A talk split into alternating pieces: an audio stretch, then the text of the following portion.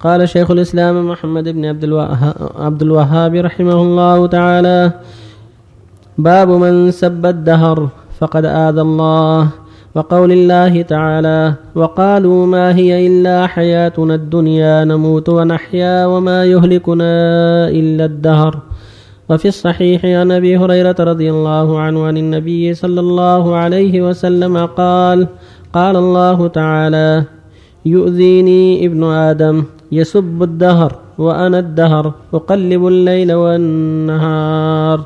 وفي رواية لا تسبوا الدهر فإن الله هو الدهر. باب التسمي بقاضي القضاه ونحوه. وصلى الله وسلم على رسول الله وعلى آله وصحبه أما بعد هذا الباب قد عقده المؤلف لبيان منع سب الدهر. لأن كثير من الناس لجهله. إذا ضاقه أمر وحسبه أمر سب الدهر. لا بارك الله في هذه السنة لا بارك الله في هذه الساعة لا بارك الله في هذا اليوم أو ما أشبه ذلك. من جهله. فلا يجوز سب الدهر. بل بل ذلك من التأسي بالجاهلية حيث قالوا ما هي إلا حياة نموت ونحيا وما يملكنا إلا الدهر.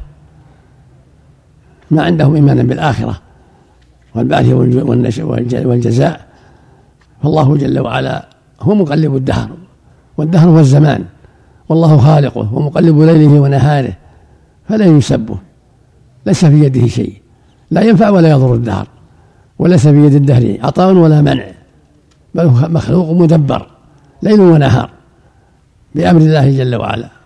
ولهذا قال صلى الله عليه وسلم لا تسبوا الدهر فإن الله هو الدهر اللفظ مقلب ليله ونهاره. واللفظ الآخر يقلب الليل والنهار. معنى الدهر يعني أنه خالقه ومدبره ومسيره في ليله ونهاره. واللفظ الآخر يؤذيني من آدم يقول الله جل يؤذيني من آدم يسب الدهر وأنا الدهر. أقلب ليله ونهاره. هذا يدل على أن سب الدهر أذية لله وإغضاب لله فلا يجوز سبه. لا بالشتم ولا بغيره. لا يقال لعن الله الدهر أو فعل الله بالدهر أو أشغلنا هذا الدهر أو بارك أو لا بارك الله في هذا الزمان أو في هذه الليلة أو في هذه الساعة أو في هذا الزمان كل هذا لا يجوز. بل إذا أصابه شيء يكره يقول قدر الله ما شاء. إنا لله وإنا إليه راجعون. يسر ربها العافية والسلامة. فالدهر ليس بيده شيء. ليل ونهار مدبران مسيران.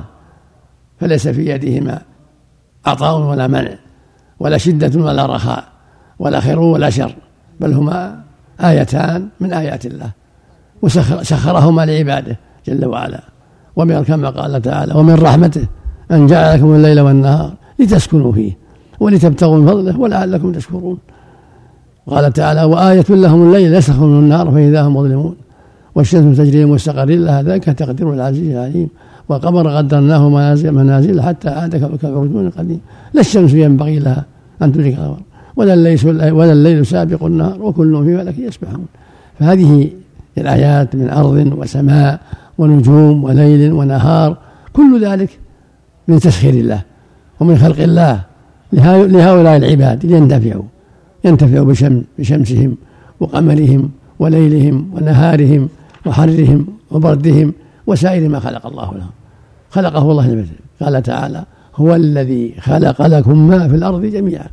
هو الذي خلق لكم ما في الأرض جميعا.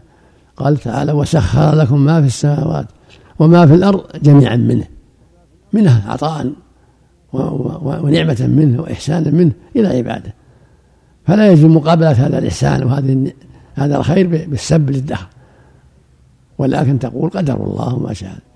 مثل ما جاء في الحديث الصحيح حديث أبي هريرة. يقول النبي صلى الله عليه وسلم المؤمن القوي خير وأحب إلى الله من المؤمن الضعيف وفي كل خير. ثم يقول صلى الله عليه وسلم احرص على ما ينفعك واستعن بالله ولا تعجزن وإن أصابك شيء فلا تقل لو أني فعلت كذا لكان كذا وكذا ولكن قل قدر الله وما شاء فعل فإن لو تفتح عمل الشيطان.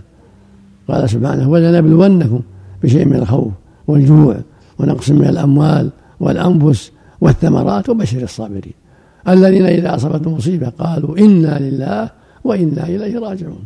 أولئك عليهم صلوات من ربهم ورحمة وأولئك هم المهتدون. هذا هو الحكم الشرعي وهذا هو الأدب الشرعي. وفق الله أحسن الله إليك. يعد الدهر من أسماء الله؟ لا خالق الدهر. الدهر والزمان الله خالقه. ولهذا قال جل وعلا أقلب ليله ونهاره. أحسن الله إليك. الدنيا إذا سب واحد الدنيا هي من كذا ما يسب الدنيا. لا يسب الدنيا ولا يسب الدهر. إيش في يده؟ ما في يده شيء. لما يقول أنا الدهر يعني أنا خالق الدهر مثل ما في الحديث أقلب ليله ونهاره. نعم أقلب نص, نص الحديث أقلب الليل ونهاره. وليس من صفات لا الدهر هو المخلوق والزمان الله يحسن عملك. قول بعضهم آه، بعض العامة الله لا يعيدها من سنة. نعم قول بعض العامة الله لا يعيدها من سنة أو سنة ما ما يقع. الله يعيد لا يعيد هذا الشدة وهذا الكرب. يبين. الله يعافينا من هذا الكرب من هذه الشدة من هذا الدهر يعني الجد والقحط. نعم.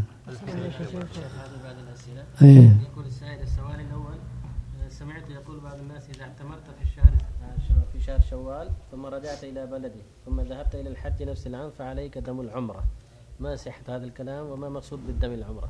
ما عليه شيء. إذا اعتبر ثم رجع إلى أهله ثم حج حج مفرد ليس عليه شيء عند أهل العلم.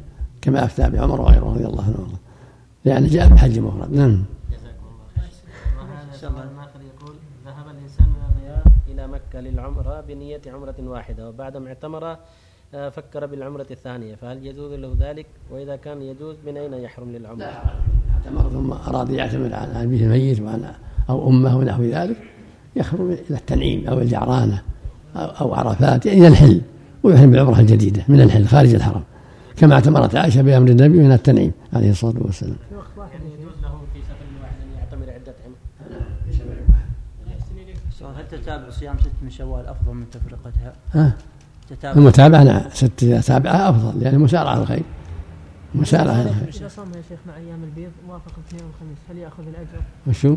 إذا صام الست إذا نوى الست له له أجرها مع الأيام البيض. لا له أجر الست اللي نواها أحسن الله عليك يا شيخ البيض هل جاء في آه، فضل آه، في فضل الصيام يا شيخ حديث؟ أحاديث نعم.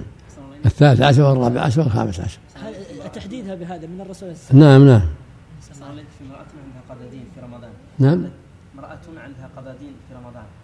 فتريد تقضيه في السنة كاملة. امرأة قد تقضيه في السنة كاملة ولكن تريد تصوم ش- ست شوال. لا ما عليها. لا لا تب- تبدأ بالقضاء. أولا. تبدأ بالقضاء نعم. يشرع يا شيخ مدح الدهر؟ نعم. هل يشرع مدح الدهر فيقول هذه ساعة مباركة؟ ما ما يضرها هذا مو بسب. قصدا باب الاستحباب لا بأس هذا ساعة ساعة مباركة أو زمان خصب أو هذا زمن خير والحمد لله. نعم. أخذ الزينة عند كل مسجد. إنه يعني السب. أخذ الزينة للمسجد من الاستحباب ولا الوجوب؟ المعروف الاستحباب. الواجب السترة بس. سب الدهر من الشرك الأصغر نعم. معصية معصية. من المعاصي